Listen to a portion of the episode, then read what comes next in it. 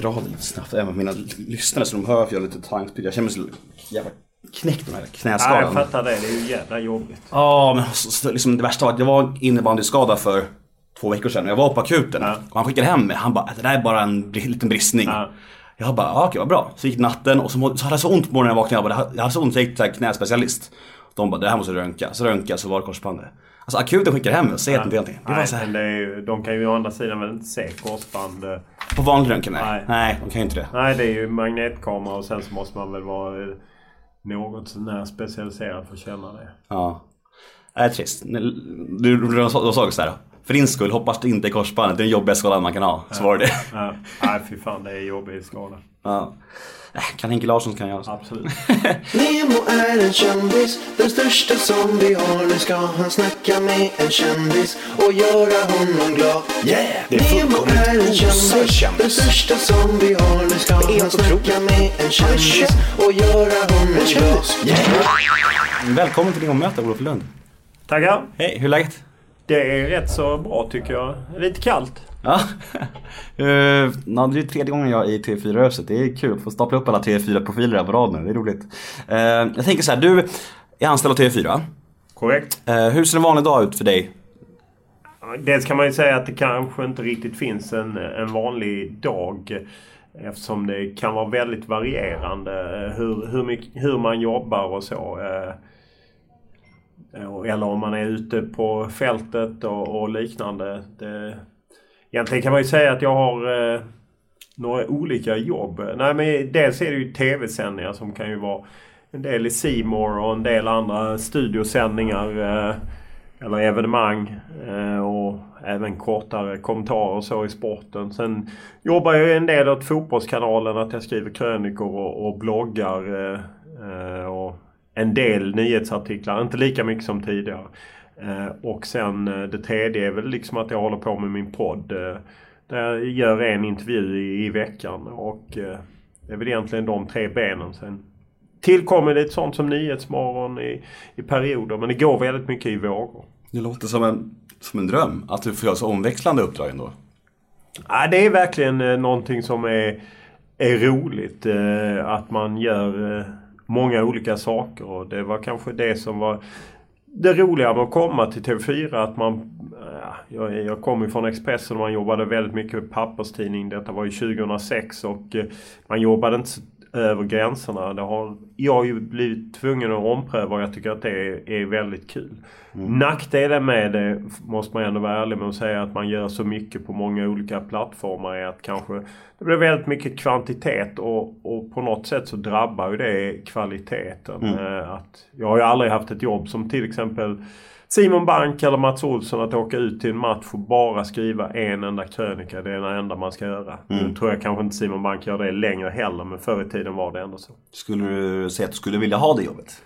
Ibland har man ju kunnat känna att det skulle vara eh, kul att bara göra en grej men det där finns nästan inte kvar längre Nej. inom journalistiken. Och jag tycker som sagt eh, att det, det är roligt. Men man måste liksom vara ärlig också och säga att kvantiteten ibland påverkar kvaliteten. Det, är, det är ju, väver nästan ihop det med nästa fråga. Jag skulle fråga vad som är det bästa respektive sämsta med ditt yrke. Och det är ju lite det du är inne på nu.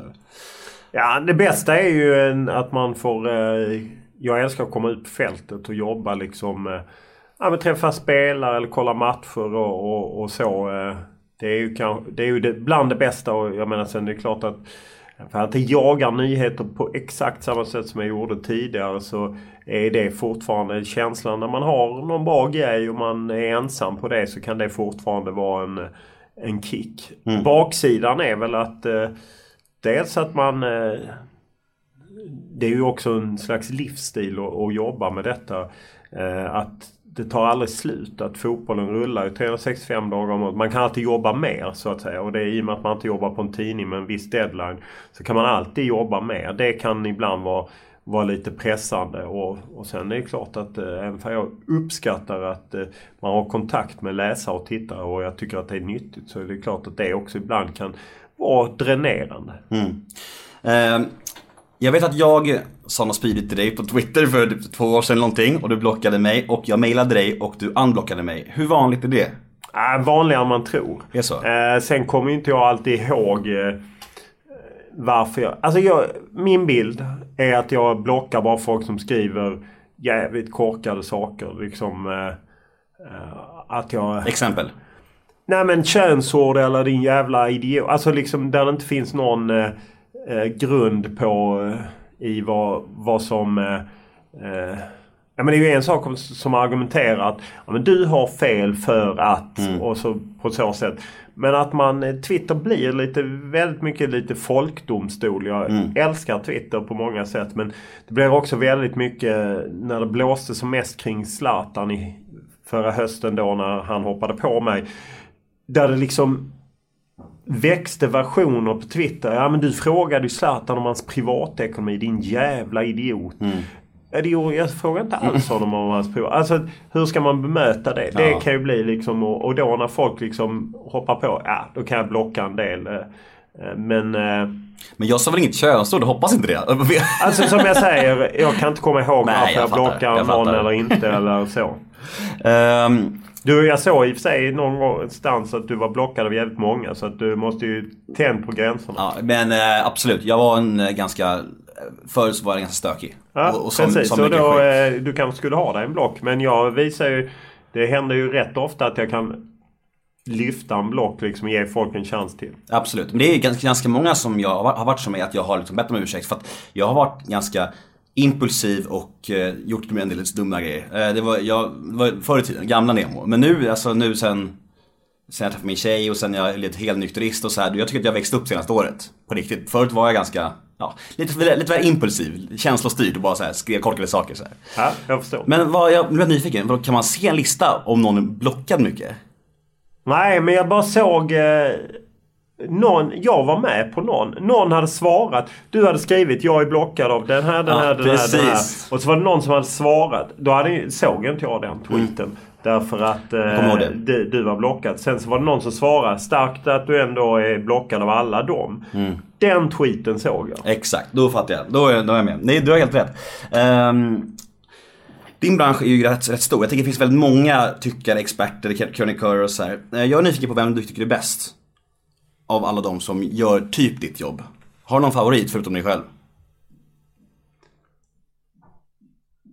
Det borde jag ju naturligtvis ha. Eh, men jag, jag kan inte egentligen... Alltså det är ju olika. Jag, jag tycker att en sån som eh, Simon Bank eh, Tröttsamt kanske för att många har honom som favorit och han kanske inte stöter sig riktigt med någon eh, på det sättet. Men jag, ja, men jag kan beundra hans sätt att, att skriva och jag tycker han är rätt bra på att skildra fotboll taktiskt och, och, och så. Jag tycker att han är, är duktig. Men det, jag tycker att det finns väldigt många. Jag kan gilla den gamla skolan. Eh, nu tar jag en och högen. Eh, eller de kanske inte är så många kvar. Men liksom Mats Wennerholm på Aftonbladet. Jag lyfter ofta honom när jag får den här typen av frågor. Nej men någon som är ute i ishallarna runt om i landet. Träffar spelarna. Liksom är där och bökar runt och liksom tröskar runt. Alltså rätt ja, skriver nyhetsartiklar, skriver krönikor, skriver liksom... Jag kan tycka att jag känner en stor beundran för den, eh, det drivet, den intensiteten, det suget att liksom vara med eh, där det händer. Eh, Så att, men sen det är ju så, ja det finns ju många på ett sätt samtidigt olika människor det har ju blivit mer att man är specialiserad. Jag menar Simon Bank är ju bäst liksom när han skriver sina krönikor. Men han skriver ju nästan inga nyhetsartiklar och han liksom jag kan uppskatta en, liksom, eh, en rakt på krönika som exempelvis min kollega Patrik Ekwall kan skriva i Expressen att eh, ja, men liksom en tydlig åsikt. Det tycker jag inte alltid eh, Simon Bank har. Jag kan känna att en sån som Robert Laul eh, att han liksom under sin eh, sista åren ändå skrev fotboll och allsvenskan. Han bevakade allsvenskan lite som Mats Wennerholm. Eh, och nära och var med på match efter match efter match. Att han byggde upp en trovärdighet och skrev på ett bra sätt utan att vara lika stilistiskt skicklig eller så. Men, Mm. så Så jag kan, jag tycker att det finns många helt enkelt. Mm. Men jag, jag håller med när du säger det. När, när man märker att de brinner för det på riktigt. Att det här med att åka ut i hallarna liksom. Då är det någon som verkligen brinner för sporten och intresset. Och, då, och jag tycker det märks i skrivandet. Och det är sånt som jag också gillar väldigt mycket med, med krönikor och sånt där. Som, det här, jag, jag, gillar, ju- jag tycker Nannskog är bra. Vad att han älskar sporten så mycket. Då blir jag, då, det smittar jag av sig när jag kollar. Jag blir så här, jävlar vad, det här är bra. Inte för att han kanske kan så jävla mycket. Men han liksom det här att han älskar det. Och då Ja, blir jag, håller då- med. då Ja, blir men jag han, har en, han har en entusiasm som smittar på något sätt som eh, är häftig att, ta på. Sen tycker jag att han kan vara mycket tuffare. Han borde vara mycket tuffare. Jag Mm. tycker att SVT är liksom lite tama där. Att Mm. de inte liksom... Det är liksom inte... Det är ändå public service. De borde ju liksom... De behöver inte vara rädda för annonsörer, ingenting. De borde ju ha någon som är tuff på presskonferenser. Någon som är tuff liksom... Ja, Uppdrag granskningmässigt på sporten. Och det har de inte. Eller i varje fall inte bevaka fotboll, tycker jag. Ja, helt rätt. Eh, vissa frågor är från tittare, eller vad säger tittare, lyssnare säger han. Och vissa frågor är från mig och vissa frågor är sådana som jag ställer till alla. Bara så du vet. Så det är lite, bland, lite blandning här bara. Eh, jag var nyfiken på din relation med Patrik Ekwall. Hur nära kompisar är ni? Hänger ni privat? Nej, ingenting eh, i princip. Eller väldigt lite. Li- delvis beroende på att vi har liksom lite olika livsstilar. Jag är ju sedan några år tillbaka ensamstående med två tonårsbarn. Han är ju liksom i, i en relation där han har en dotter som väl Tindra är väl två år. Där, Att det är klart att det är olika. Sen eh, umgås vi i perioder så mycket via jobbet. Att det inte blir något liksom så. Ja men att man umgås tillräckligt där för att man inte direkt ska umgås liksom privat. Alltså vi är ju goda vänner på... Eh, är riktigt goda vänner och har varit liksom... Men det är ju mycket relaterat till jobbet. Sen privat så lever vi nog rätt olika liv. För man uppfattar ju er, om man ser fotbollskanaler i Europa, då uppfattar man er som typ bästa kompisar ibland. Ja, Så Nej, men, och jag menar, det är ju klart att vi, eh, vi har kamperat så mycket ihop. Och det, och det kan jag ju säga att liksom när man reser ihop i, i fyra och en halv, fem veckor i Sydafrika eh, under VM med all den stressen och all det påslag och allt det. Vi har nästan aldrig varit ovänner liksom under alla de mästerskap vi jobbat ihop. Vilket är Ja, det är ju ett gott betyg till honom och kanske ett hyfsat gott betyg till mig. Att, ja, men att vi liksom vi vet var vi har varandra. Eh, fastän vi egentligen är väldigt olika. Ja, men det är ju, det är ju de bästa vännerna. När, man bara, när det är så enkelt liksom. Man, Ja, nej men så är det. eh, varför denna passion för Leeds United? Går inte riktigt förklara mer än att när jag var i England eh, 1976 då var ju Leeds storhetsperiod slut. Det visste man kanske inte då. Men eh, det var den ju när man tittar tillbaka i backspegeln. Så det var väl någon som lurade på mig en, en Leeds-halsduk och sen eh, fastnade jag för Leeds. Och sen eh, blev det väl också någonting när man kom hem och så höll alla på Liverpool eller Arsenal eller Manchester United. Så höll jag på någonting som ingen annan höll på. Eh, så eh, har det bara liksom bitit sig fast. Det är ju sånt man inte kan... Det är ju som jag håller på Landskrona Boys. Ja det var ju min... Jag har aldrig själv bott i Landskrona. Min pappa är från Landskrona och han kände han som var ordförande i, i Boys typ början på 60-talet till 80-talet. Och hans fru gav mig en Boys-dräkt när jag var sex år och eh, sen var man fast. Vem är den bästa Leeds-spelaren genom tiderna? Är det, är det Brolin? Nej, det är inte Brolin. Det finns ju naturligtvis många som är bättre och jag vet att många Leeds-fans gillar inte honom. Men för mig var det ändå någonting speciellt när Alan Smith slog igenom eh, och eh, som ungdom eh, kom från eh, liksom Leeds och var en av dem. Och eh, han var lite sånt råskinn som jag kunde uppskatta. Leeds var ju fantastiska slutet på 90-talet, början på 2000-talet och han ledde liksom den. Sen gick han ju till Manchester United när Leeds åkte ut och eh, många har inte förlåtit honom för det. Jag har inga sådana Även om det är klart att det svider att han går till Manchester United. Så var det ju ändå så att Leeds kunde ju inte bjuda emot och behövde dessutom pengarna och jag kan liksom inte klandra honom för det. Nej. Sen finns det ju mängder. Jag tyckte hela den 92-generationen var de som vann ligan 92 med Lee Chapman och de var härliga. Mm. Eh, jag förstår om eh, du kanske är lite less på frågan om kring, kring Zlatan, men vi måste nudda det lite. Om det är lugnt Ja, för ja, dig. det är eh, varför tror du att er relation har varit så pass spänd? Är det så enkelt som att bara för att du är den enda som egentligen vågar ställa kritiska frågor? Är det så simpelt, tror du? Eller, för ni har haft lite små gnabb då, gnabb då och då och så här. Är det bara så simpelt, tror du? Jag kan inte riktigt förklara det för att jag har ju alltid upplevt att han... Eller jag kan inte förklara det fram till eh, varför det hände. Det som hände i, i höst kan jag förklara. Men det som innan dess varför han har hoppat på mig en massa gånger. Ah, vet jag faktiskt inte riktigt. Jag har ju... Han har ju retat sig på något sätt på mig oavsett om det varit i en TV-studio efter Färöarna-matchen när jag tog upp det här att han kastade bollen i huvudet på målvakten. Kunde fått ett gult kort och kunde blivit avstängd mot Irland vilket då hade varit en ödesmatch. Vilket jag tyckte var lite obegåvat. Mm. Då eh, tyckte han ju eh, liksom att det var fel. Ja, just det kan jag inte förstå. Samtidigt så upplever jag nästan alltid att han har ju alltid svarat mina frågor. Det är ju inte så att han som med Aftonbladet slutade svara på frågor. Så jag ändå kanske sett någon slags respekt även fall han har varit förbannad. Eh, och att han har kunnat svara ibland och inte ibland. Alltså det som sen hände i höstas har ju säkert sin förklaring i att jag skrev en rätt kritisk artikel kring, egentligen inte så mycket till honom, även om han säkert läser in det. Men utan mer till hur man på förbundet och från oss i media och en del marknadskrafter dansar runt Zlatan mm. och inte vågar prata om eh, de sämre sidorna. För att, och det, det är det jag retar mig mest på. Att det är inte okej okay för mig att säga att vilket fantastiskt mål eller han är Sveriges bästa fotbollsspelare genom tiderna. Och samtidigt belysa de ocharmiga sidorna. Det är liksom lite parodiskt att man, man kan, i den världen kan man bara vara svart eller vit. Att mm. antingen är man för Zlatan eller är man mot Zlatan. Jag skulle vilja säga att jag är varken eller. Eh, men jag vill belysa bägge, bägge, bägge sidorna av fenomenet Zlatan. Han är en otrolig fotbollsspelare. Jag tycker det är en otrolig resa han har gjort från liksom enkla eh, omgivningar till den liksom miljardär han antagligen är idag. Eh, och med allt liksom han bygger upp vid sidan som en slags svensk Beckham. Eh, så att det, det är ju häftigt men man måste också kunna belysa det här att alla är tassar på tå mot honom. Jag, jag kan inte säga att ingen vågar ifrågasätta för det är massa eh, journalister som då känner sig trampade på tårna.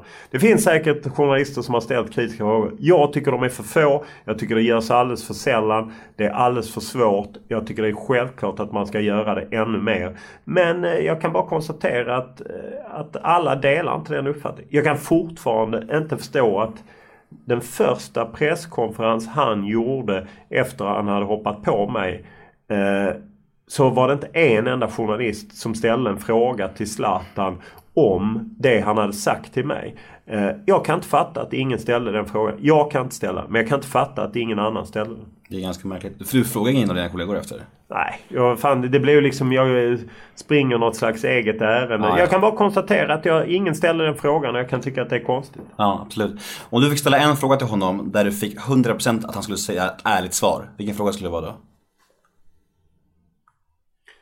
Eh, lurig fråga mm. eh, att man ska begränsa sig så. Eh, om man... Eh... Tyckte det var en bra fråga. Ja, nej men det är bra, bra men lurig därför att den är ju svår eftersom man bara ska ställa en fråga och man vill ju ställa en öppen fråga ah, ja. då. Eh, inte en ja nej fråga utan en öppen fråga nej. så han eh, kommer loss i någon... Eh, kanske hade det varit någonting kring hur han och Mino Raiola jobbar ihop och hur delaktiga de har varit i uttalanden som Raiola, eller Raiola har gjort. Har det varit å Zlatans vägnar eller inte? Mm. Du, du menar om de typ konstruerar ihop så här uttalanden? Ja, jag tror ju att, eh, att Raiola uttalar sig rätt häftigt eh, med Zlatans goda minne. Men jag vet ju inte att det är så. Och liksom någonting kring deras. Jag tycker deras samarbete är rätt fascinerande. Men eh, det finns väldigt många frågor som jag gärna hade ställt Zlatan. Jag hade gärna suttit i en podd med Zlatan och han kanske inte hade behövt svara liksom rakt på alla men jag hade, det finns så många frågor som är nästan omöjliga idag att komma åt. Är du, är du nyfiken på vad han genuint tycker om dig på riktigt? Nej, det är jag faktiskt inte. Därför att eh, jag tror att han på något sätt ändå inser att det här är liksom ett, ett spel eller mm. så. Nej, han tycker säkert inte bra om mig men det är ju skitsamma. Jag är, däremot så är jag genuint intresserad av Ja, men jag hade velat ställa eh, en massa frågor om hur, hur han resonerar eh, kring allt från uppbyggnad av sin marknadsportfölj till den här förflyttningen han har gjort från boken där han ju var väldigt noga med att, att Lagerkrans hade fångat honom och det var hans historia. Han ville att den historien skulle komma ut till den så kallade dokumentären som gick i femman som gav en annan bild av hans pappa än vad som hade funnits i boken. Och då ska man komma ihåg att Zlatan har ju själv sålt in denna dokumentären, eller hans rådgivare Mikael Lepistö till olika kanaler och till slut var det femman som köpte den. Till det här Björn av Klen-porträttet i eh, DNs lördagsmagasin. Där han ju på något sätt också putsade bilden av sig själv. Att han var inte alls den här värstingen i skolan. Han hade rätt bra betyg och han hade visst varit inne på Gustav Adolfs torg som inte alls... På något sätt har ju han flyttat sig hur han har berättat och då ska vi veta att alla de tre historier, eller i varje fall de två första har ju varit kontrollerade av honom. Lagercrantz-boken och dokumentären i femman och nu då Björn av Klen-reportaget som naturligtvis var styrt eftersom det var kring hans parfymlansering men Björn av Klen fick ju ändå ställa fria frågor. Men där han också förflyttar sig. Det tycker jag är fruktansvärt intressant. Men varför tror du historien förändras? Därför att han eh, kanske eh, inser att den bilden han gav i sin eh, bok Även om det var hans bild just då kanske inte Dels förändras väl allas bilder av sin egen uppväxt och man kanske är mindre kategorisk. Men jag tror kanske att han inser att den inte kanske var så där jättesmickrande. Att han, han vill ju på något sätt i boken göra sig själv till en förebild. Så skriver mm. han ju att alla ska veta att eh, fast den inte är som alla andra så kan ni ändå bli vad jag blev och så. Men jag menar allt från... Eh, ja, det är ju någonting som gör att han känner att ah, jag måste ge en annan bild av min pappa. Mm. Som han ger då i, i, dokumentären. Och där hans mamma, jag menar det är ju jätteintressant. Varför är inte hans mamma med? Liksom? Mm. Knappt i boken, knappt i, i... Ja, det är sånt som jag kan vara intresserad av. Tror du att han kan ha fått reaktioner på sin pappa från, från boken? Och velat ändra liksom bara på grund av reaktioner så här. Jag skulle vara förvånad om inte folk i hans familj har reagerat kring en bok. Eh, därför att det kan man, om man har syskon eh, så kan man ju bara gå tillbaka till sina egna syskon och se hur upplevde vi ja, men den julen där det blev si och så. Hur upplevde du den? Hur mm. upplevde jag den? Hur upplevde du den? Så är Åtminstone är det så med mig och mina systrar, jag tror, eller systrar, att vi har väldigt olika bilder kring vissa mm. saker. Eh, så att det skulle förvåna mig om han inte har fått några reaktioner överhuvudtaget. För det mm. var ju en rätt dyster bild kring hans uppväxt och hans familjeförhållanden. Absolut, så är det Men tror du att det finns någon framtid för landslaget efter Zlatan? Eller jag, tänker så här, jag tänker land, det är klart det finns en framtid. Men jag tänker mästerskapsmässigt. Är det realistiskt att tro att vi ska komma till mästerskap de närmsta åren? Han lägger av. Absolut. Zlatan är ju ingen garanti för att ta sig ett mästerskap. Det visade sig både 2010 och 2014. Sen hängde det ju säkert inte bara på honom. Men det är ju ingen garanti att man ska ta sig till mästerskap. Man ska komma ihåg att eh, 2002 när han var med i ett mästerskap då hade han ju knappt spelat i kvalmatcherna. 2004 till EM 2004 då var han ju rätt bra men då var det ju andra spelare som var tongivande. Han gjorde klacken mot Italien men jag menar Henrik Larsson, Ljungberg, det fanns fler. 2006 var han skadad, kunde han inte göra sig gällande. 2008 var han ju väldigt bra men då hade resten av landslaget mattat. 2010 gick man ju inte till VM och 2014 likaså. Så att det kommer alltid finnas en framtid och det kommer alltid komma nya spelare. Nej, de kommer inte vara i Zlatan-kaliber. Men ibland kan det innebära att andra kliver fram. Alltså som alla stora ledare, stora personligheter så levererar ju de mycket men de kan också ta mycket plats. Mm. Eh, och eh, det finns plus och minus med så stora stjärnor. Mm. Hur är det, vad är din syn på hans eh, tjafs? Nu, nu är det några, några år gammalt men jag tycker det, just det bråket är så jävla intressant. Eh, Zlatan och Ljungberg. Nej men det är väl klassiskt eh, två tuppar i samma gård och eh, det var väl så att Ljungberg var inte den populäraste i, i landslaget men han kom alltid för sent vilket irriterade de andra. Han bara gick sin egen väg och, och, och så. Men jag tror att... Och då, då blev det liksom någon slags... Framförallt från Zlatans sida så blev det ju det här att liksom... Vem är jag jag måste bli störst och... Och då, där tror jag kanske inte Ljungberg han ville väl inte bjuda Zlatan på någonting så det blev en kamp dem emellan.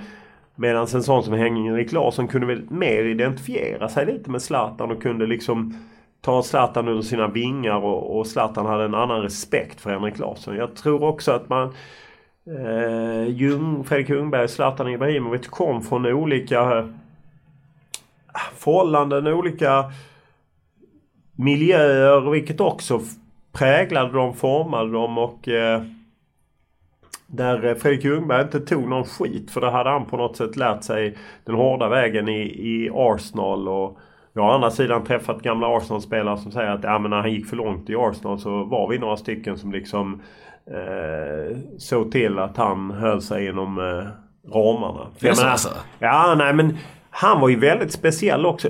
Skillnaden mellan honom och Zlatan är väl att han aldrig liksom, även om han kom sent och han var, kunde vara konstigt klädd eh, när de andra var liksom, eh, kom i förbundskostymen kunde han komma i badtofflor. Och istället för en slips hade han ett jävla bälte runt halsen var det någon som har berättat i Japan 2002. Så att, han var ju väldigt, väldigt speciell och gick sin egen väg. Men jag tror aldrig han gjorde så mycket på andras bekostnad. Zlatan är ju mer sån att tror att han söker mer liksom, söker ut alfahannen i den här gruppen och så utmanar han den alfahannen eller på något sätt rättade in sig väl under Henrik Larsson men alla andra såg han till att utmana. Mm. Ja, det är intressant helt klart. Det är ju som i alla, jag menar så är det ju på arbetsplatser eller det. klass, Absolut. skolklasser eller vad så.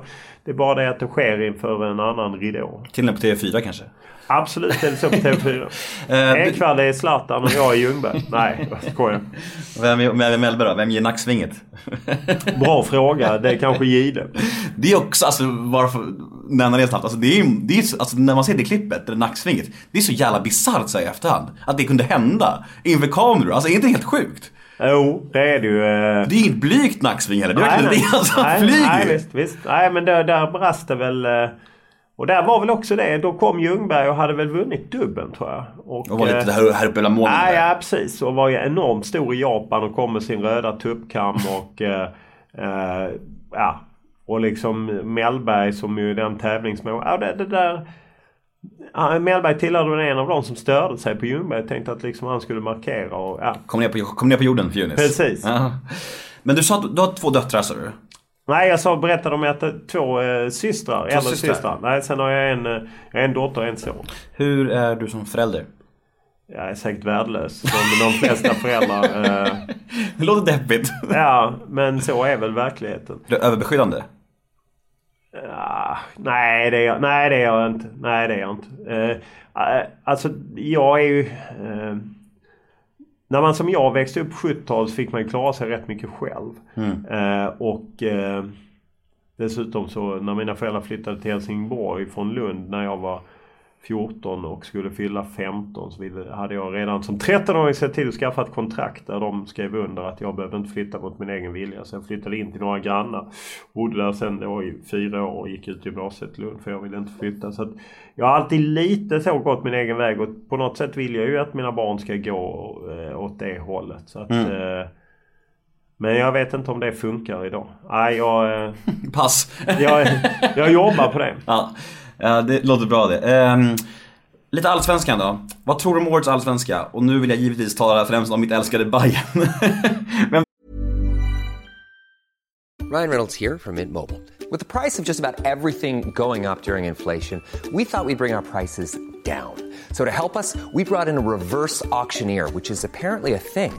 Mint Mobile unlimited premium wireless. Ready to get 30, 30, bit to get 30, bit to get 20, 20, 20, bit to get 20, 20, bit to get 15, 15, 15, 15 just 15 bucks a month. So, Give it a try at mintmobile.com slash switch. $45 upfront for three months plus taxes and fees. Promo rate for new customers for limited time. Unlimited more than 40 gigabytes per month. Slows. Full terms at mintmobile.com. tycker är mest spännande i Bayern? Och vad tror vi hamnar i år? Och vilka tar guld? Många frågor igen där. Ja, det var väldigt... Det var en så kallad eh, flerpipig hagelbössa i, i frågor. Ja, precis, precis. Om jag börjar med... eh, Först med guldet så känns det ju just nu i januari när vi sitter. För att det är ju ändå så att transferfönstret är öppet i dryga två månader till. Och det hinner ju hända lite innan det. Men just nu känns det ju som kanske, kanske att eh, AIK ligger eh, bäst till ihop med möjligen Malmö eh, att ta guldet. Jag tror Norrköping kanske får lite svårare att hänga med. Göteborg är ju lite svåra bedömda i och med att de sålde Gustav Svensson. Elfsborg lite en outsider. Eh, men svårtippat i det här läget. Hammarby. Eh, ja, jag har ju varit skeptisk hela tiden till Mats Jingblad. Det vill säga Nanne Bergstrands val som sportchef. Varför? Mats Jingblad. Därför att han åkte till Norrköping och pratade med ordförande Peter Hunt om vad Mats Jingblad lämnade efter sig i Norrköping. Så tror jag att de flesta skulle säga att de var tacksamma den dagen Jingblad försvann. Därför att han eh, gjorde inte många bra värvningar och lämnade en klubb i ekonomisk ruin i det närmaste. Sen är han ju naturligtvis inte ensamt ansvarig för det men han hade en stor del i det. Eh, och jag tycker inte det. De värvade väldigt mycket under 2015 och väldigt få av de värvningarna blev bra. Eh, och sen så Smarrason från Helsingborg. Ja, det är nog en väldigt bra värvning. Skulle man få loss Orlovs tror jag att det är en bättre anfallare än Hallenius som jag tycker att är en av dem som de inte lyckats med. Eh, det känns ju som att Hammarby kanske eh, kan skruva upp ett snäpp. eh, Melker Hallberg. Ja, men Hallberg. Problemet där är att man bara lånat in honom på ett halvår. Jag tycker Mm, det är konstigt. lite för kort. Ja, eller det är väl Udinese som har valt det. Liksom. Antagligen så ville väl inte Vålerengen behålla honom vårsäsongen. Udinese vill väl ha tillbaka honom för att bedöma honom i sommar. Eh, jag tycker inte det är optimalt. Men det är klart att det är ju en väldigt bra värvning. Men det börjar bli väldigt många Kalmar-värvningar och... Eh, Norrmän och islänningar. Eh, Jag är lite så. Men jag, jag tror att de samtidigt... Jag har väldigt stort förtroende för Nanne Bergström även för jag tycker det var lite synd. eh, Eller jag tycker det var fel när han pratade lite för mycket liksom på hösten. Och ja, vi är fortfarande ett superettanlag. Jo, tjena. Mm, det är tröttsamt för oss Eh, Bayern, men kan precis. Eh, Så att bättre. Men, ja, det borde kunna vara övre halvan. Men inte... inte Topp upp- sju. Ja, precis. Men inte medaljplats. Eller topp åtta. Men jag tänker, en, en, en, en sak som jag är fascinerad av, eller fascinerad, snarare bedrövad, som en spelare som Linus Hallenius som gjorde 21 mål i Superettan. Och visst, det var Superettan, det är en sak. Men målen han gjorde där var ju ändå hög, hög klass på målen. Och nu har han totalt jävla iskall i Bayern match efter match. Hur fan går det ihop? Alltså, vad händer egentligen? Vad, vad beror det sånt på, tror du? Ja, det är ju så komplext men naturligtvis så att ta steget från Superettan till Serie A och sen bli utlånad i Schweiz och eh, på olika ställen och, och sen skador på det har gjort att eh, hans självförtroende naturligtvis är, är inte på topp. Och spelar du i en klubb som Hammarby i Allsvenskan så kanske inte det finns det riktigt tålamodet och eh, att det måste vara tufft. Han kanske egentligen hade behövt eh, börja om i Superettan eh, för att hitta sig själv igen. Eller, eller en, en klubb där han, ja han kanske skulle gå, nu vet jag att det ryktades om Helsingborg om de hade råd. Eh, han behöver kanske komma egentligen till en, en klubb som Sundsvall eller Gävle eller en klubb där det inte är så mycket fokus. Där han liksom får bygga upp sig. Eh, utan att känna liksom trycket från 25 000 eller 30 000 på, på Tele2. Eh, helt enkelt. Jag, jag tror att man hade för mycket för stora förhoppningar och förväntningar. Mm, eh, och på honom. Ja. Tror du att eh, det finns någonting att hämta i Kal- Khalili då?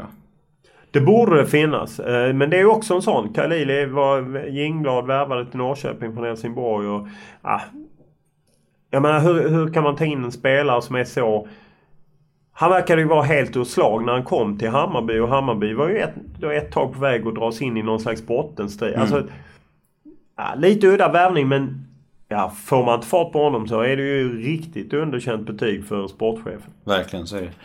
I din egen podcast då, eh, som du gärna får rekommendera det här så du vinner lite lyssnare. Du har säkert mer lyssnare än jag, vad jag har. Men är, ja, jag var lite nyfiken på den. Eh, vem har varit mest svårintervjuad och vilket avsnitt skulle du rekommendera om man skulle lyssna på ett avsnitt av din podcast? Så det är två frågor. Janne Eriksson var svårintervjuad. Jag gjorde... Jag har ju... När jag fick frågan eh, våren 2014 av TV4 Sports ledning att de ville att jag skulle göra en podd så ville jag göra någon annan typ av podd som åtminstone jag då upplevde inte riktigt fanns. Det hade ju funnits Agendasättarna med... eh, med kommer jag inte på vad Det är väl Expressen va? Ja, Expressen. Ja. Han jobbar på Eurosport. Ja. Cederholm tror jag han heter. Eh, blev plötsligt osäker. Jag får faktiskt googla det. För det. jag, jag ber så mycket om ursäkt. Det är hur lugnt som eh, helst. Att, ja, jag ber inte om ursäkt till dig utan mer till eh, eh, Tror du det? den som står bakom Agendasättarna eftersom jag, Jag trodde det var till mig. eh, inte kom på det. Ja, Anders Sedhamre är det ju. Okej. Eh, Anders Sedhamre. Eh, Han gjorde ju en väldigt bra podd där han intervjuar folk i mediebranschen. Liksom rena intervjuer. Sen tycker jag att jag vill ha lite tuffare frågor än vad han ställde. Eh, alltså, alla kan ju ha sin inriktning. Jag ville mer ha något slags Ekots lördagsintervju fast sport eller fotboll då. Det var liksom min ambition. Jag tyckte inte det riktigt fanns. Eh, och eh, ja, sen vissa är ju makthavare, andra är inte makthavare och eh, eh, så man kan ju ställa olika, jag menar träffar man Karl-Erik Nilsson kan man ju ställa honom till, mer till svars för en Christian Wilhelmsson till exempel för att han bor i Dubai. Det är klart man kan ställa några frågor men han är ingen makthavare på det sättet. Nej. Men det är liksom min, jag vill ha, jag vill ha en nyhetsdriven podd. Men när, för, första sommaren gjorde jag ett uppehåll. Det vill jag inte göra sommaren 2015. Och då bestämde jag mig. Ja, men jag tar lite temapoddar, nostalgipoddar. Jag träffar en som har varit med i ett mästerskap.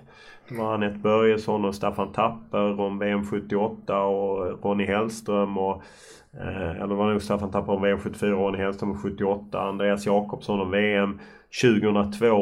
Och då var Janne Eriksson med om EM 1992 där han ju nickade in mål. Men han var rätt svårpratad. Eh, kanske för att han... Jag vet inte om han... Blyg eller? Eller att han inte egentligen reflekterat så mycket kring det så. Så han... Det tycker jag kanske var ett, ett avsnitt där inte jag fick ut eh, max helt enkelt. Eh, sen är man ju alltid skyldig själv. Eh, men det krävs ju två för att dansa. Absolut. Att välja ett avsnitt eh, av avsnitt. eh, 86 är jag uppe i nu. Eh, är ju väldigt svårt tycker jag. Men jag kommer liksom inte runt att jag tycker att Anders Svensson var väldigt intressant och dessutom lade det sig på, som en blåval över hela en landslagssamling där i juni när han ju var väldigt kritisk mot Erik Hamrén. Och kan man egentligen säga blev starten på en fade dem emellan som gör att de inte hälsar på varandra ens. Mm, idag Eh, alltså? Ja, nej, Ja. precis. Eh, jävlar. och eh, den, jag tycker att han är otroligt klok, eh, Anders Svensson, och har, vågar säga saker och ting. Så att, ska man bara lyssna på ett avsnitt ska man lyssna på det. Men jag tycker ju att man ska lyssna på alla 86 avsnitt. Eftersom jag är bajare så var det ett avsnitt som... Eh, jag har ju lyssnat på de som Bajen är relaterade. Så det är Kennery, det är Nanne, det är... Även med, vad heter han? Fredrik Söderström. Fredrik Söderström ja. Det var ju det konstigaste alltså. Han pratar, han, han verkar ju sakna lite verklighetsuppfattning. Och det vet jag att flera bajare har reagerat på. Han pratade ju om sig själv som en lyckad värvning i Bayern typ. Och det var ju helt, alltså det var ju en av de sämsta värvningarna vi har gjort, skulle jag säga. Och det håller jag vet att många bajare håller med om. Alla bara lyssnar på den här Lund alltså. Det är helt, han, han, vad, vad, han har tappat greppet helt alltså. Reagerade du, du på det alls? Det gjorde jag och jag kan ju konstatera att det inte bara är Hammarbyare som har reagerat så. Det är ju rätt många som när han... Eh, ja men just eh, att apropå hans eh, tid i landslaget att han då fick så bra kritik i italiensk press när han spelade för Sverige mot Italien och varför fick han inte vara med? Det är ju rätt sällan spelare använder press som liksom ett, ett argument för att man är stark och att han han säger också att kompisar eh, hade sagt till honom att kollade man på hans meriter när han var ute som proffs så var det ju i princip bara han och Zlatan och några till liksom. Ja.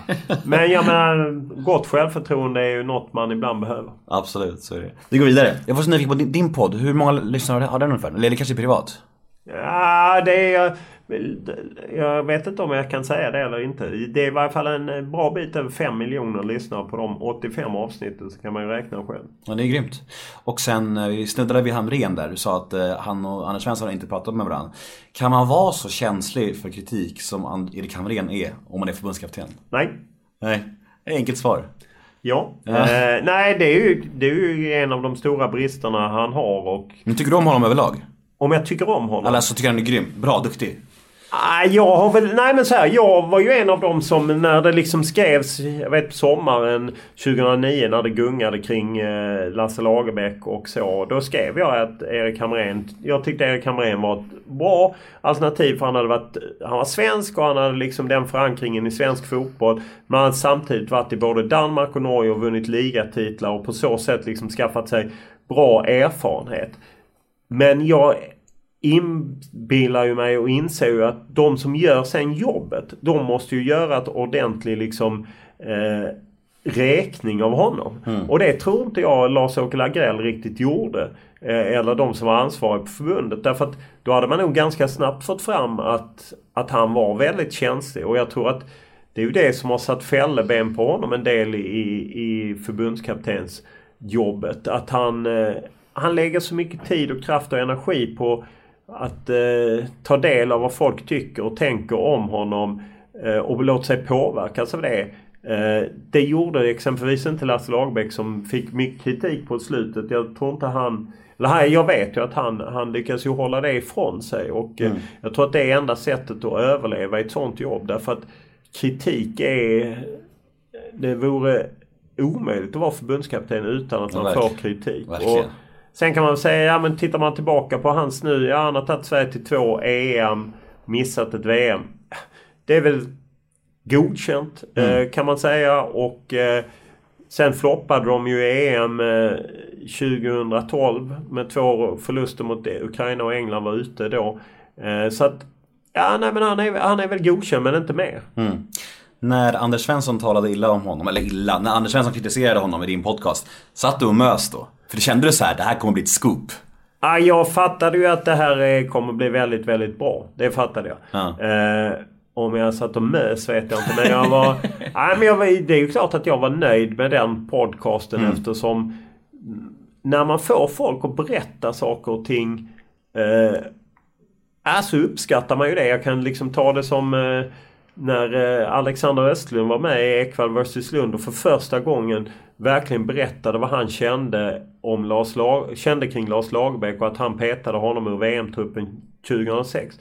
Ja, det är klart att man ändå hoppar till när någon vågar säga att Wow! Fan just det har jag inte stenkoll på. Kan inte du berätta det? Ah, men då, det var att han tyckte att eh, Lars Lagerbäck var den falskaste människan någonsin. Ja, men han var stenhård verkligen eh, kring, kring det. Och hur grymt det var. Och han hade varit med och spelat alla kvalmatcher. Så var det en dålig insats eller? Ja, precis. Och det var ju dessutom i... Det var ju mot Irland och han hade Johan Elmander framför sig som var sjuk. Som knappt tog en hemlöpning. Och eh, det blev Damien Duff snurrade upp honom, var det Ja, precis.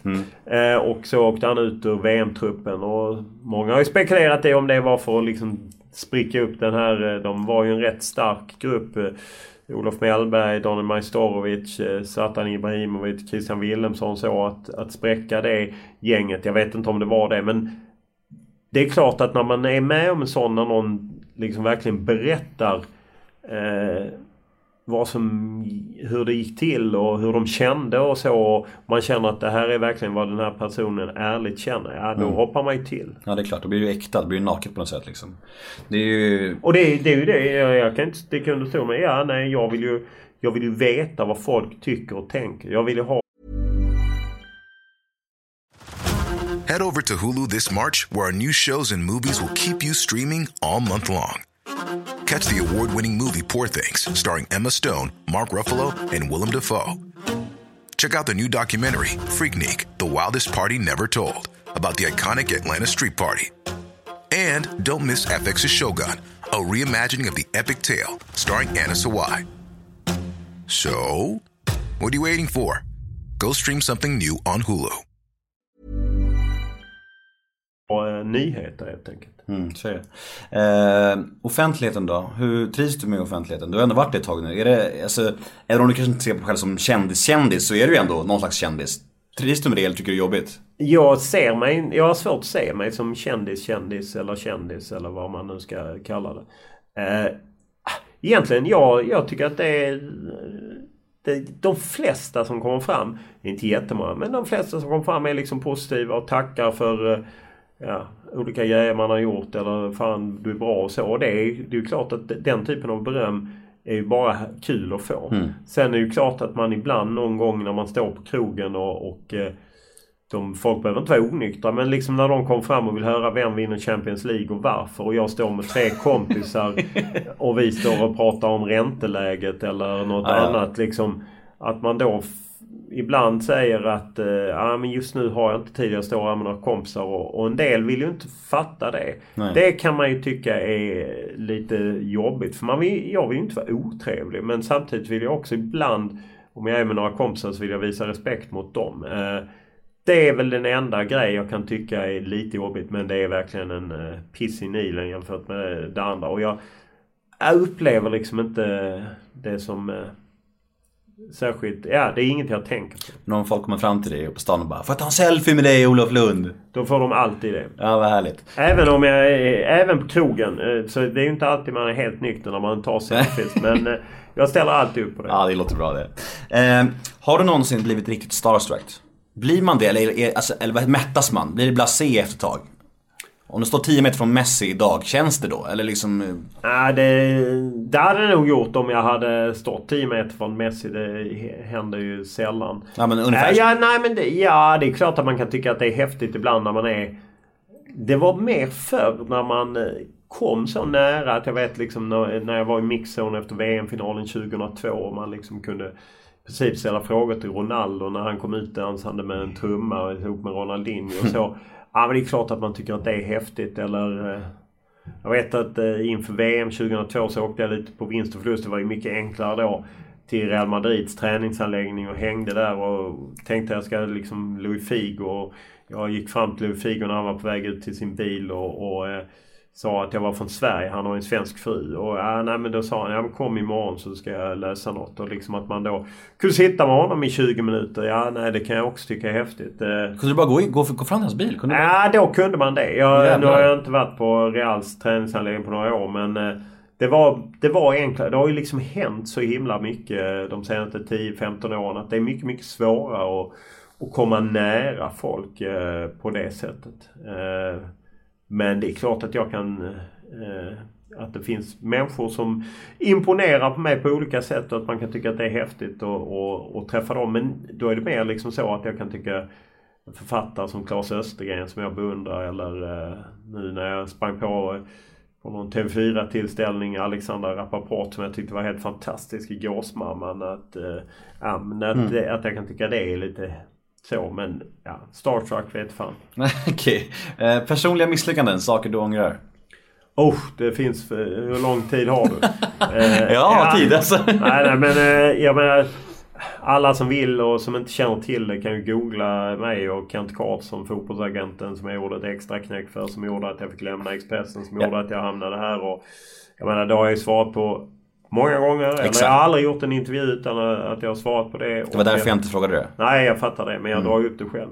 Eh, och det är ju... Det är man kan säga att det är ett otroligt misslyckande och det är en ångest som förföljer mig än. Eh, som jag fortfarande kan få ångest för och när någon påpekar det. Samtidigt så kan jag säga att det är eh, någonting jag också försöker dra lärdom av. Alltid, alltid, alltid. Ha hela tiden den tanken att ja men jag gjorde fel. Det betyder att eh, jag måste tänka efter. Hur gör jag här? Eh, ja. För de som inte vet om det, kan du dra det på 30 sekunder?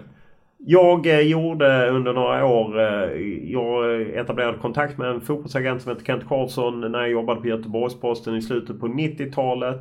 Och eh, när jag gick från eh, Göteborgs-Posten till Expressen, eller jag hade ett halvår utan när jag hade något jobb och så gjorde jag lite extra knäck åt honom. Skrev till hans hemsida som inte finns längre och både skrev på svenska texter men framförallt också satt över engelska texter. Typ Anders Svensson gjorde tre mål eh, mot eh, Burnley i ligacupen. Mm. och skrev jag det på engelska.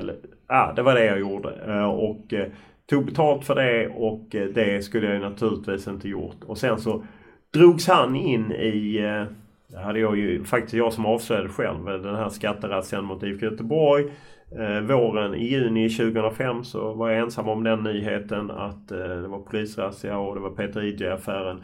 Och indirekt via den affären så drogs han med. Han var inte inblandad i det men då hittade man ju att han också hade gjort, jag tror inte han hade betalt skatt på alla pengar han tjänat i utlandet. Och då fattade jag ju att eh, ja, men om man hittar hans liksom konton och, och så, det är, ja, det, det är ju inte bra. Och, eh, så att jag berättade för tidningsledningen att eh, så här är det, jag har gjort det här och det här är fel. Och, eh, och så blev det ju till slut eh, så att de tog beslutet att skilja mig från min tjänst som fotbollsreporter på Expressen. Detta var i mars 2006. Eh, tre månader innan VM. Och, eh, men jag fick inte sparken från tidningen vilket många alltid skriver. Eh, utan jag, vi kom överens om att äh, men du tar en timeout. Så att tidningen och jag delade på den ledigheten som jag hade på ett halvår. Och eh, sen kom jag tillbaka eh, i september och då ville dåvarande chefredaktören Otto Sjöberg att jag skulle jobba som eh, nyhetsreporter på 13 lag. Eh, och eh, ja, kanske jag hade kunnat tänka mig men precis då så ringde liksom TV4 att vi ska starta den här fotbollssajten, Fotbollskanalen. Eh, vill du komma hit? Eh, du kan få provanställning på ett halvår. Eh, får du upp sajten så att den eh, drar tillräckligt med trafik och genererar tillräckligt med pengar så får du en fast anställning. Och då hade jag liksom funderat av och till under det här halvåret och även pratat med andra mediechefer som jag känner. Kan jag liksom gå tillbaka och skriva fotboll? Vissa ansåg nej, andra ansåg klart du kan. Eh, Jag bestämde mig ändå för att chansa, även för det var jävligt jobbigt. Och, alltså jobbigt, eh, ja jag hade gjort fel. Men det var ändå jobbigt därför att jag tvivlade lite på mig själv. Men samtidigt tänkte jag att på något sätt så får fotboll, världen, fotbollsvärlden, ja, allt från fans till eh, ledare och spelare, då får de svara vad de tycker och, eh, och jag menar jag, hade ju många Robert Laul, Mattias Balkander, det var ju många som skrev kritiskt. Eh, Ulf Stenberg, Janne Hansson eh, som skrev kritiskt. eh, Andra journalister att hur fan kan han göra det och så. Eh, men det gjorde jag och eh, jag kan inte säga att jag ångrar att jag tog det klivet men det betyder inte att jag hela tiden, det är ju tio år sedan snart som jag slutade på Expressen eller fick ta en timeout på Expressen. Eh, jag bär det med mig i princip dagligen. Mm. Och resten är som brukar säga historia. Jag vet fan men eh, jag bär det med mig. Jag fattar. Eh, veckans brev. Vem är den mest överskattade fotbollsspelaren genom alla tider? Både engelsk, eller både svenskt och internationellt namn. Gärna ett, na- gärna ett namn som folk känner igen. Åh herregud. Vem som är den mest överskattade spelaren? Det var ingen lätt fråga. Eh, Kanske Fredrik Söderström. nej. Då måste man ju ha lyfts upp till, till någonting riktigt stort. Han lyfte upp sig själv i alla fall. Det gjorde han men eh, jag tror att eh, verkligheten ger en annan bild av honom. Nej, det kan jag, jag kan Jag har liksom inget riktigt namn. Man kan ju säga generellt. Engelsmännen överskattar ju alltid sig själv. Eh, och det visar ju att engelska spelare är väldigt svårt att och, och lyckas eh, utomlands, och, och, alltså utanför England. Och, och för mig är fortfarande en klassiker. Jag, jag kan säga den mest överskattade var ju Kevin Keegan som förbundskapten. Att, eh, när han satt efter eh, England hade blivit rostad av eh, Portugal i EM 2002 i Eindhoven. Nej, inte EM 2000 i Eindhoven. 3-2 tror jag det blev, eller 3-1. 3-2 tror jag. Portugal då, den gyllene generationen med Louis Figo och de, ja, de lekte ju med engelsmännen. Och det första Kevin Keegan säger när han kommer in på presskonferensen efteråt. We can still win it. Alltså liksom, vi kan fortfarande vinna EM. Ja, de åkte ju naturligtvis ut i gruppspelet. Eh, så att det är ju det mest överskattade är Englands landslag. De är superöverskattade. eh, Inte de själva. ja, nej men det är ju helt... Eh, det ju period som tror jag alltid att de kan vinna och det kommer bli hemskt för Roy Hodgson nu att åka till EM 2016 i Frankrike 50 år efter man vann VM-guld 66. Det är ju ett jubileum liksom. Eh, och de var obesegrade. Jag tror de vann alla matcher i sin EM-kvalgrupp så att liksom förväntningarna är som vanligt skyhöga och det kommer gå åt helvete. Eh, de vinner i varje fall inte det. Eh, så att de är de mest överskattade. Någon svensk som är överskattad det borde ju vara någon liksom dyr svensk som sen inte lyckats i... Eh, eh, jag kan faktiskt... Jag, och det är inte av, det är inte av feghet utan det är mer att jag kan inte liksom komma på någon riktigt eh, överskattad spelare. Isak Kiese. Ja, fast jag tycker han var fantastisk i, i Malmö och, och han varit rätt, var fantastisk i U21 trots den här hälskadan och nej, det är, och det är ju liksom... Han är ung än också. Han är ung eh, än så länge. Nej, jag kan inte. Ja, det är Eh, lugnt. Kanske något eh, gammalt ungdomsproffs. Eh, nej, men liksom, fast Johnny Rödlund var ju rätt bra. Eh, Bojan Djordjic fick ju aldrig den här utväxlingen riktigt med mig. Sen då att de skulle bli överskattade är ju liksom... Videojuggarna. Videojuggarna i, i Hammarby. Jag glömt vad de heter. Skräckminne. Nej, jag, jag, jag är ledsen att jag är besviken där. Att jag Det är ingen fara, det, det var helt okej. Du, du var duktig hittills, det är lugnt. Ja, Eh, vi har ett segment som heter ett ord om. Jag räknar upp fem offentliga människor så får du se det första ordet som kommer upp i ditt huvud när du Ja. Alex Schulman, Kontroversiell. Marcus Birro, Orkar inte. Det blev två år. Sara Larsson, Härlig. Jimmy Åkesson, Ja, det första ordet som kommer är ju faktiskt rasist. Leif GW Persson. Överskattad. Oj, där kom det. Vi är strax klara. Men eh, jag tänkte vi ska nå det här med eh, kritik och sånt här. Hur är du med kritik? Om till exempel din chef på TV4 kommer och säger Ja Olof, det där var inte så bra. Det, här, det får jag fan göra annorlunda. Tar det bra då eller blir du kränkt och ledsen då? Ja, Kränkt blir jag inte. Eh, För det första kan man säga att det är ju väldigt sällan man får feedback av, eh, inom eh, TV4. eh, Vare sig positiv eller negativ. Eh, ah, Jag är kanske lite så eh, att jag tycker att det är lite jobbigt att få eh, kritik eftersom jag vill eh, jag är någon, har någon slags eh, närmast Olof Mellbergsk tävlingsinstinkt att jag vill vinna allt eller vara bäst på allt. Så att jag tycker nog det är jobbigt. Vad får du som mest ångest av? Livet. Att det är ändligt och så här eller? Typ. Nej, mer att det är jobbigt. Och de- och deppigt är det. Och med de deppiga orden så slutar vi. Ja. Ja, nej men det var faktiskt, jag börjar bli klar. Ja. Jag är jättenöjd. Vad, vad härligt att du vill vara med. Ja, Och vad härligt att du fick lära mig lite mer om svensk fotboll och internationell fotboll. Eh, om man vill nå Olof Lund på sociala medier, vad finns du och vad heter du? Jag heter Olof Lund, Lund då med H. Och det är inte jag som har skaffat det ett H utan det kommer från min eh, farfars far i Lund när han hade konditori i Lund. Så att, eh, Lunds. Lunds konditori. Eh, Jöns Lund tror jag han hette. Eh, Hänger något i Lund nu för tiden? Nej, väldigt sällan. Eh, men eh, så att eh, Olof Lund är ett ord på både Twitter och Instagram. Jag finns inte på Facebook. Men Twitter och Instagram är jag väldigt aktiv på. Eller framförallt på Twitter. Eh, och sen så alltid mejlledes olof.lund.tv4.se. Och podcasten måste man lyssna på. Ja, den måste man lyssna på. Den hittar man på Fotbollskanalen eller Acast eller iTunes. Det är bara att söka på Lund heter den. Eh, Det är inte jag som har döpt den, men den heter Lund. Och det finns 86 avsnitt. Eh, Briljant namn, Lund. Ja, ja, ja, det är Niklas Supanic som får ta eh, äran åt sig av det. Han är chef här på TV4 Sporten. Eller en av cheferna på TV4 Sport. Grymt. Jag heter Nemo Hedén på Twitter och Instagram. Hashtaggen är NEMOMÖTER och gilla oss på Facebook och ja, tack Olof Lund för den här stunden. Tack själv!